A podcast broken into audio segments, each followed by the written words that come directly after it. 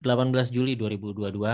Uh, semoga lo sehat-sehat. Kali ini gue mau bahas soal ini sebuah isu yang pengen gue bahas dari lama, yaitu soal uh, algoritma bukan rumus bahagia. Jadi kita ngomongin soal sosmed ya. Kita ngomongin soal sosmed dan uh, gue udah uh, udah mencatat ini uh, dari lama dan pengen bahas ini tapi ke tunda-tunda terus uh, karena ini keresahan gue beberapa waktu belakangan juga gitu ya. Ini kalau lu kalau lu nonton ini di YouTube, gue naruh webcamnya agak di atas jadi gue agak mendongak gitu ya. Mungkin agak sesekali mata gue nggak ke lu tapi ke layar bawahnya jadi ya maklumin aja. Anyway, um, jadi gue mau bahas soal ya yes, bahwa algoritma tuh bukan rumus bahagia uh, eh, gue bahas ini karena mungkin backgroundnya adalah karena gue uh, seperti lo juga, gue juga adalah pemain sosmed gitu ya, maksudnya orang yang rajin main sosmed, gue main Instagram, gue nontonin video-video TikTok, gue main di uh, baca-baca timeline Twitter juga, yang sebe yang juga sudah, yang sebenarnya kalau di Twitter gue juga udah nggak nggak pernah nge-tweet. Uh, dan berbagai sosmed lain gitu. Gue ada di YouTube gue main podcast juga. Podcast sebenarnya bukan sosmed but you got a point uh, dan sudah lama gitu ya dari 2000 mungkin kalau gue religiously dari 2010 lah gitu dari awal kuliah.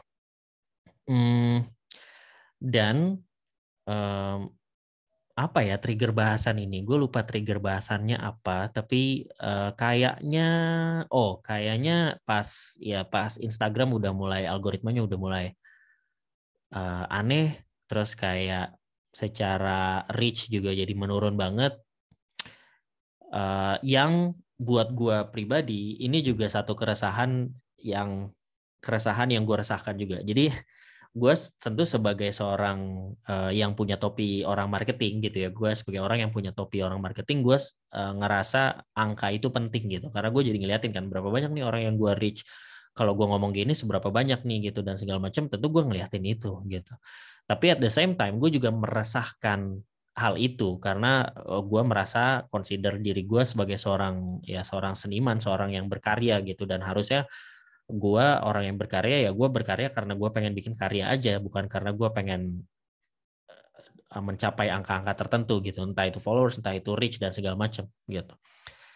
Sampai kemudian ada momentum ya Instagram makin lama makin menurun reachnya dan segala macam yang membuat gue juga jadi ngerasa kayak kok jadi menurun banget? Dan uh, ya mungkin kalau lu main sosmed atau apalagi kalau lu kerja di digital marketing lu tahu oh untuk maintain reach-nya lu harus ngikutin algoritmanya lu harus harus bikin reels lu harus aktif ini itu harus bikin stories terus dan segala macam yang lama kelamaan gue kayak capek banget ngapain gue ngerjain semua itu untuk mempertahankan angka gitu yang uh, lama kelamaan juga akhirnya berpengaruh juga ke kebahagiaan gue dalam tanda kutip gitu ya atau rasa puas gue dalam bermain sosmed gitu. Karena ketika angkanya nggak sesuai dengan yang gue inginkan ya mungkin gue jadi ngerasa kayak gue gagal gitu atau gue jadi ngerasa apa yang gue sampaikan jadi nggak penting gitu karena nggak dilihat banyak orang dan segala macam gitu. Nah ini yang uh, apa namanya keresahan ini yang kemudian udah lama tapi bertumpuk bertumpuk bertumpuk uh, sampai akhirnya ya gue capek aja gitu. Gue capek tapi gue ngerasa sosmed itu tetap penting buat gue uh, gue sih nggak ngerasa kayak sosmed itu toxic sehingga gue harus harus apa namanya harus vakum harus uh, apa sih bahasa anak sekarang tuh uh, clean up tok uh, toxic clean up apa sih bah ininya lawannya toxic tuh? Detox detox harus detox gitu. Kayak gue nggak gue nggak segitunya Uh, karena gue ngerasa ya sosmed ya sosmed aja gitu menyenangkan ada hal-hal banyak hal seru di sana bisa connect sama temen dan lain-lain gitu. Tapi ada hal-hal di luar itu yang bisa membuat sosmed jadi nggak menyenangkan. Salah satunya adalah ya ketika kita terlalu berfokus sama algoritma. Nah gue mungkin mau share juga. Gue tuh pernah uh, bukan pernah beberapa kali uh, quote and quote viral gitu ya. Atau kayak konten gue jadi rame dilihat banyak orang. Mungkin lu ingat kalau lu follow gue di Instagram, gue sempat 2020 atau 2020 akhir 2021 gitu gue bikin konten-konten yang uh, basisnya posted gitu ya, uh, bikin postingan-postingan yang bentuknya posted uh, sampai ke satu fase di mana gue ngerasa gue nggak pengen bikin lagi. Dan fasenya adalah ketika postingannya postingan gue viral terus postingan gue rame terus gitu. Nah, yang juga ketika postingan gue rame, banyak yang nge-share, banyak yang uh, apa masuk explore, banyak yang kemudian komen, DM dan lain-lain itu jadi nggak menyenangkan. Nggak menyenangkan ternyata adalah karena ketika lo viral, lo akan ketemu sama orang-orang yang sebenarnya nggak kenal sama lo atau postingan lo akan dilihat sama orang-orang yang sebenarnya nggak kenal sama lo mereka nggak peduli sama lo mereka juga nggak tahu lo siapa mereka atah berantah dan mereka bahkan sebenarnya awalnya mungkin nggak pengen ngeliat postingan lu gitu. Tapi tiba-tiba ngeliat postingan lu terus ya gitulah orang yang nggak kenal kan komennya ngasal aja. Uh, entah mereka sotoy entah mereka bilang lu goblok apa segala macam tuh udah banyak banget gitu. Dan jadinya nggak menyenangkan buat gua karena gua harus berinteraksi sama orang yang sebenarnya nggak gua kenal dan nggak kenal gua gitu. Uh, itu nggak enak banget. Meskipun secara angka gue bisa lihat kayak ada satu postingan gue yang jutaan tuh uh, apa namanya reach-nya, impression itu jutaan. Tapi yang nggak menyenangkan karena gue uh, ya gimana sih kayak lo lagi di tengah jalan tiba-tiba ada orang asing aja bilang kayak eh uh, baju lu norak gitu. Atau kayak ngapain sih lu sosokan pakai baju kayak gitu pakai topi kayak gitu Nora Nora lagi jelek gitu.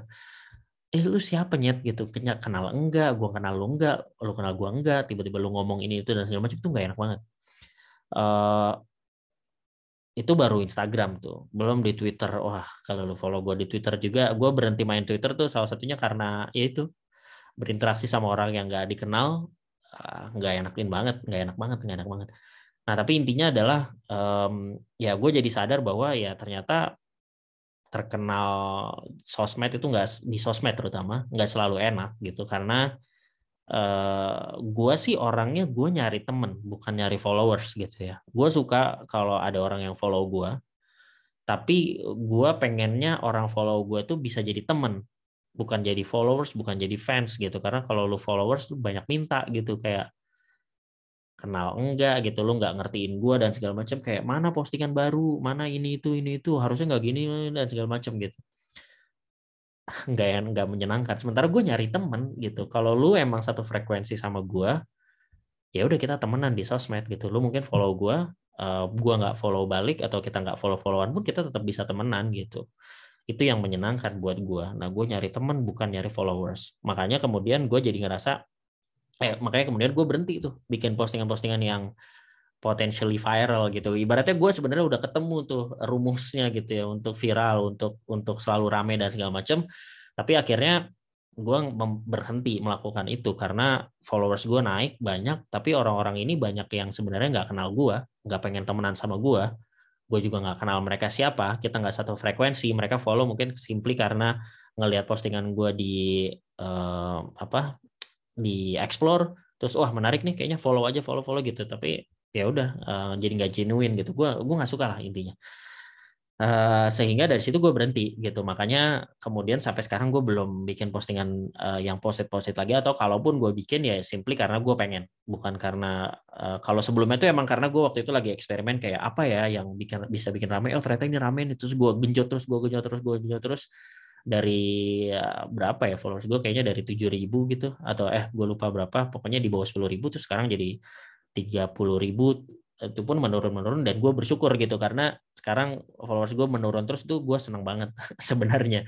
Gue pengennya turun terus sampai sisanya tuh beneran orang-orang yang emang kenal gue aja emang pengen emang pengen temenan sama gue tuh gue happy banget uh, sebenarnya gitu. Nah tapi poinnya adalah ya um, ya memenangkan algoritma tidak berarti sama dengan bikin uh, pasti bahagia gitu ya. Maksudnya pasti menyenangkan nggak juga gitu. Dan uh, algoritma tuh nggak ada habisnya gitu. Ketika nanti dia berubah ya kita harus ngikutin juga. Masa gue harus ngikutin terus? Maka gue harus bikin video sih uh, kalau gue nggak pengen masa gue harus bikin ini itu ini itu? Dan ya akhirnya jadi nggak menyenangkan aja. Padahal kan kita main sosmed supaya senang-senang gitu ya. Tapi kalau kemudian karena algoritma karena nggak wah kita jadi selalu sibuk ngeliatin siapa nih yang ngeliatin stories gue berapa banyak nih dan segala macam jadi nggak menyenangkan gitu Makanya kemarin gue sempat bikin tulisan juga uh, ya bikin algoritma lu sendiri. Ya ini konteksnya mungkin tidak hanya sosmed. Kalau sosmed mungkin agak susah ya. Uh, bisa juga, bisa juga. Nanti gue akan bahas gimana cara bikin algoritma di sosmed sendiri gitu. Tapi gue ngomongin secara umum gitu. Kalau algoritma itu kan sebenarnya intinya bagaimana sebuah sistem mengatur apa yang penting, apa yang tidak penting, apa yang di reward, apa yang tidak di reward dari sebuah dari sesuatu yang kita lakukan di dalam di dalam kehidupan gitu kan. Jadi sebenarnya dalam kehidupan kita pun ada berbagai algoritma gitu. Jadi misalnya lu ya di rumah lu eh, mungkin keluarga lu punya algoritma sendiri yang algoritma keluarga lu mungkin kalau lu pulang malam jam 10 itu sangat tidak boleh gitu. Tapi kalau di keluarga lain misalnya oh boleh-boleh aja gitu. Yang penting jelas, yang penting ngomong. Nah, itu kan algoritma tiap keluarga beda-beda misalnya atau algoritma setiap agama berbeda-beda juga. Apa yang dianggap penting oleh satu agama, apa yang di value oleh satu agama, aturannya gimana mungkin berbeda dengan agama yang lain atau berbagai eh, norma-norma sosial lain itu kan algoritma juga gitu. Nah, ketika algoritma itu tidak sesuai dengan apa yang lo inginkan, sebenarnya lo punya pilihan untuk bikin algoritma lo sendiri. Nggak gampang, tapi bisa Eh, dan mungkin nggak nggak nggak nggak nggak bisa dilakukan dalam waktu yang singkat gitu ya. Butuh waktu yang cukup lama atau butuh proses yang lama. Tapi sebenarnya lu bisa bikin algoritma lu sendiri gitu. Misalnya siapa bilang kalau kerja itu harus di Jakarta? Enggak juga. Ya itu algoritma aja gitu. Algoritma mungkin algoritma beberapa company atau beberapa industri bilang kayak gitu. Tapi tidak juga gitu. Ketika pandemi hit terus orang bisa mulai sadar ternyata algoritmanya nggak kayak gitu. Bisa-bisa aja gue kerja dari Bandung gue sekarang tinggal Bandung. Orang bisa-bisa aja orang kerja dari Jogja dan segala macam. Yang selama ini algoritma itu ada gitu. Tapi kita nggak pernah mengeksplor itu atau nggak pernah terekspos ke situ. Dan ketika dieksplor ternyata bisa. Oh bisa nih gue bikin algoritma sendiri. Gue nggak gue nggak harus ngikutin algoritmanya perusahaan-perusahaan besar yang bilang kerja bergaji besar itu harus di Jakarta. Selama skill gue oke okay, uh, dan gue ketemu perusahaan yang bisa value um, apa namanya skills gue ternyata gue penghasilannya bisa sama dengan Jakarta meskipun gue tinggal di Sulawesi misalnya kayak gitu. Dan berbagai contoh lain. Atau algoritma bilang oh orang Padang harus nikah sama orang Padang orang eh, Sunda harus nikah sama orang Sunda. Iya betul di algoritma Sunda pada umumnya misalnya gitu ini gue ngasal ya.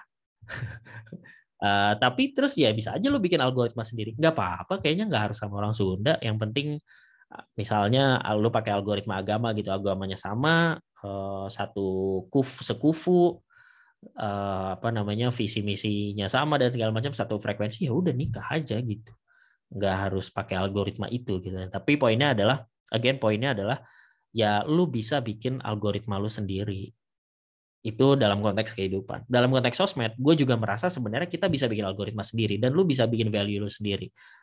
Uh, gue misalnya ya gue sekarang sih akhirnya jalanin ya udahlah gue nggak usah ngoyo kayak harus yang selalu engagementnya tinggi dan segala macam nih buat gue pribadi ya kalau buat kerjaan tuh lain cerita nih. Kalau buat kerjaan marketing eh, lo kerja di marketing itu lain cerita nih. Kita nggak ngomongin kerjaan ya kita ngomongin individu.